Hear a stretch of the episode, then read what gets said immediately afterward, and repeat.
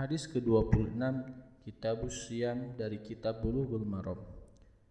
Wa an Aisyata wa Ummi Salamata radhiyallahu anhuma anna an-nabiy sallallahu alaihi wasallam kana yusbihu junuban min jima'in thumma yughassilu wa yasumu muttafaqun alaih. Dari Aisyah dan Ummi Salamah radhiyallahu anhuma bahwasanya Nabi Shallallahu Alaihi Wasallam pernah bangun pagi dalam keadaan junub dari jima. Kemudian beliau mandi junub dan berpuasa. Muttafaqun alaih.